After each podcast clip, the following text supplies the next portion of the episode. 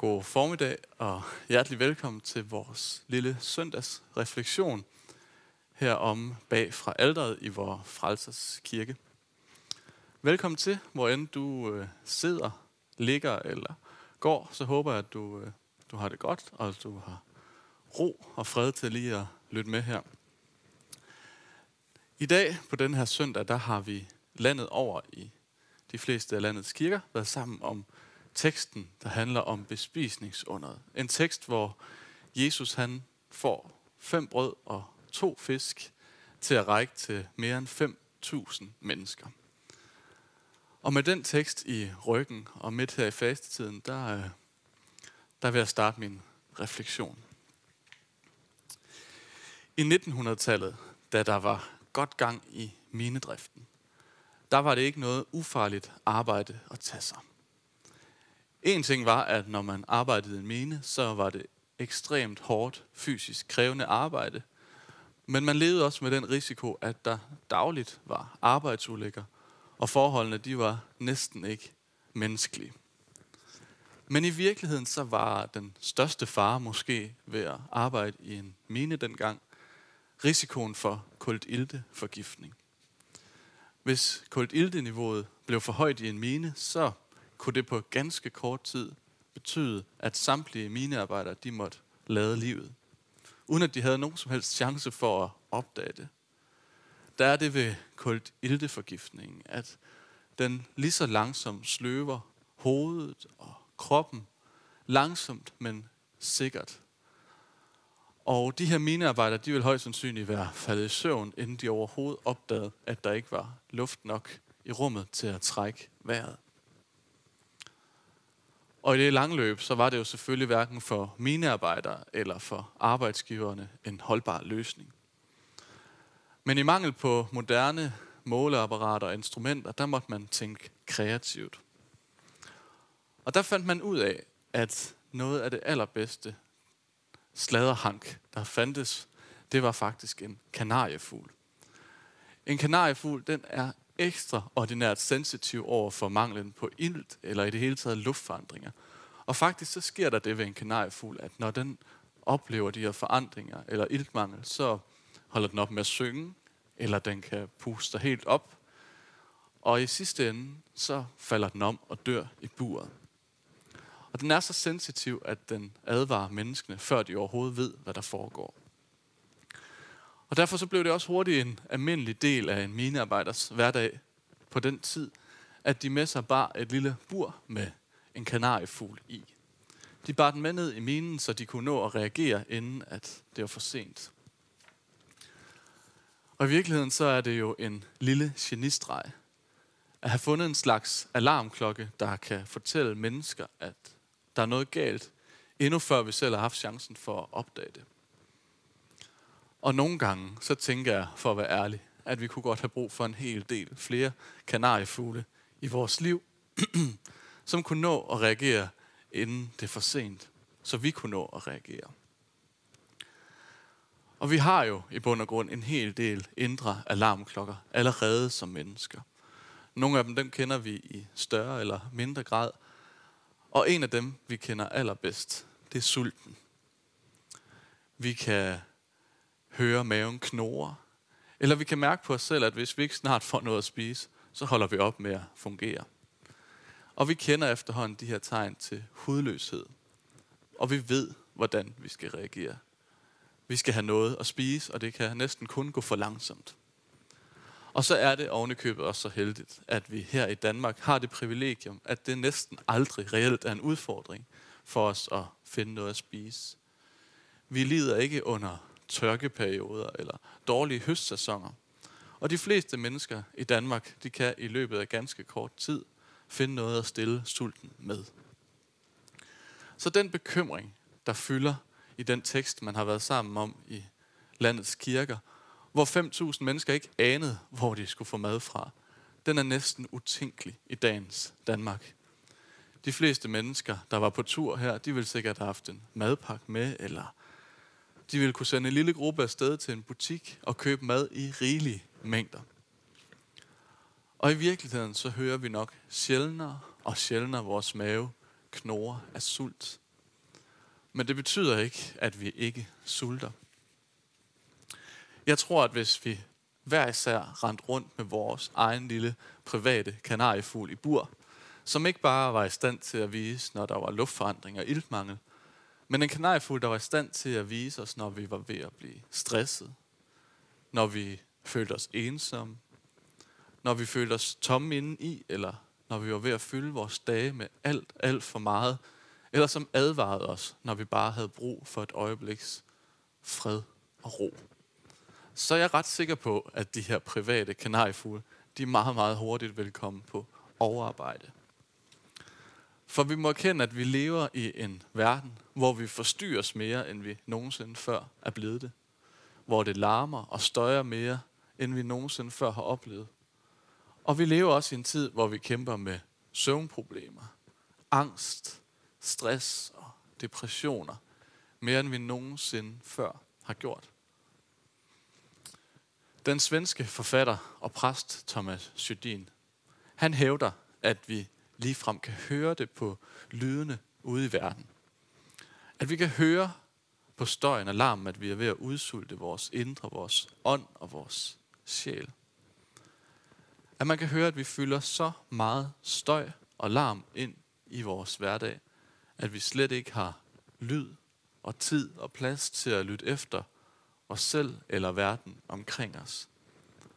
Og lige så langsomt, der kvæler vi vores indre i alt muligt. Vi hører også podcasts som aldrig før.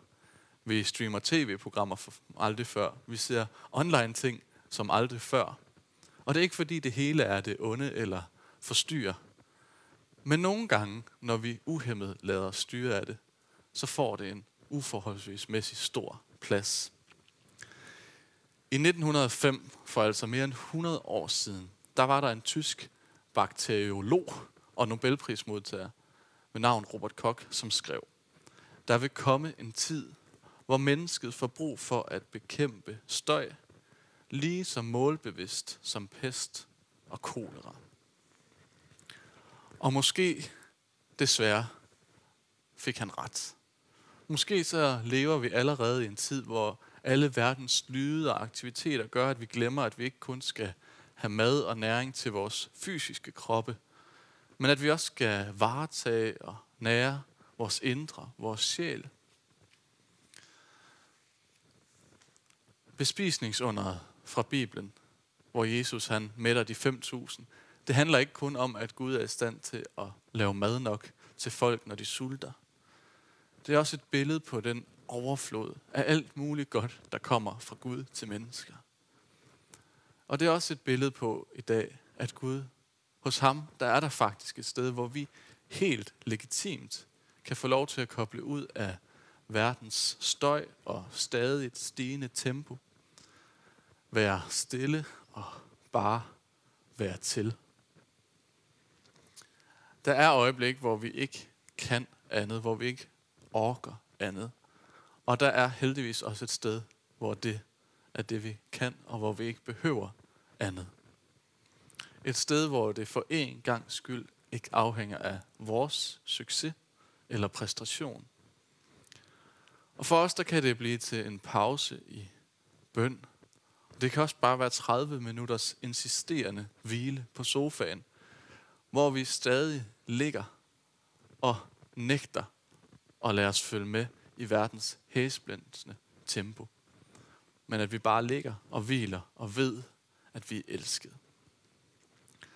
Måske det er i virkeligheden noget af det vigtigste, vi kan blive gode til, nemlig at lære lyden af sult at kende. Og ikke kun den knurrende lyd fra den sultne mave, men lyden af vores sjæl og verden, der trænger til noget andet og mere end tomme og flygtige kalorier. Og da Jesus han valgte at dø på korset, der købte han den frihed til os alle. Den frihed, der gør, at vi ikke altid behøver at være bedst, hurtigst eller perfekte. Men at vi må hvile i at være. Og at Gud aldrig holder op med at ville være sammen med os. Og at vi må vide, at når Gud han giver i overflod, så gælder det i sandhed også, når vi har brug for at tage en pause.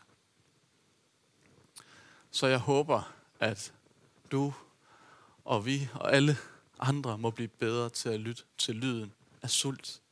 I tide, at vi må blive bedre til at lytte, når vores indre siger fra, og vide og sikker på, at der findes steder, hvor vi er elsket, bare for at være. Og den lyd, den må blive vores kanariefugl, der redder os op, inden det er for sent. Og her til slut i min refleksion, der har jeg lyst til at dele to vers med dig.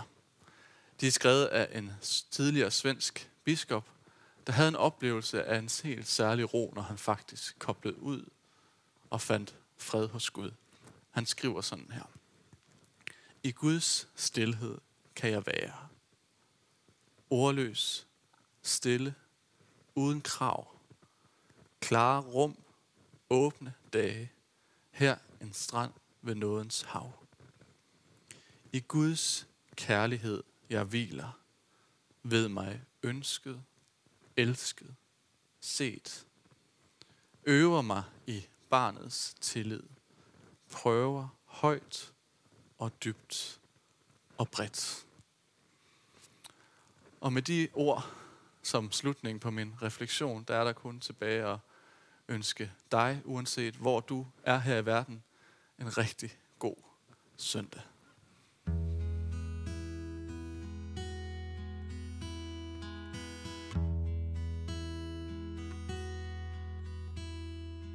Du fylder mig med glæde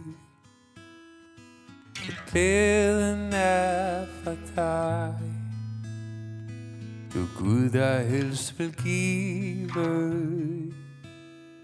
Så glæden bor i mig.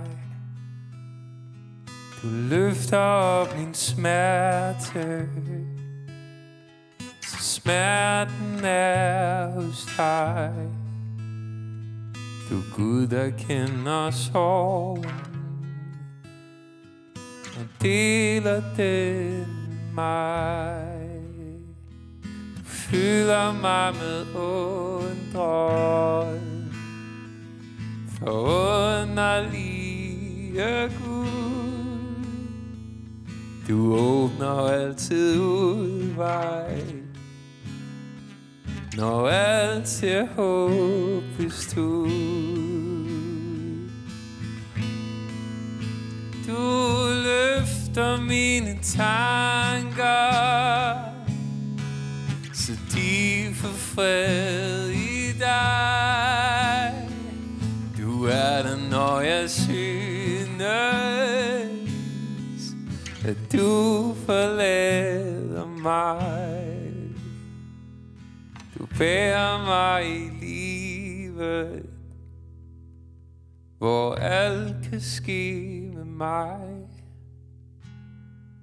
Gud lad mig altid vide at jeg tilhører dig. Gud lad mig altid vide At jeg tilhører dig. At jeg tilhører dig.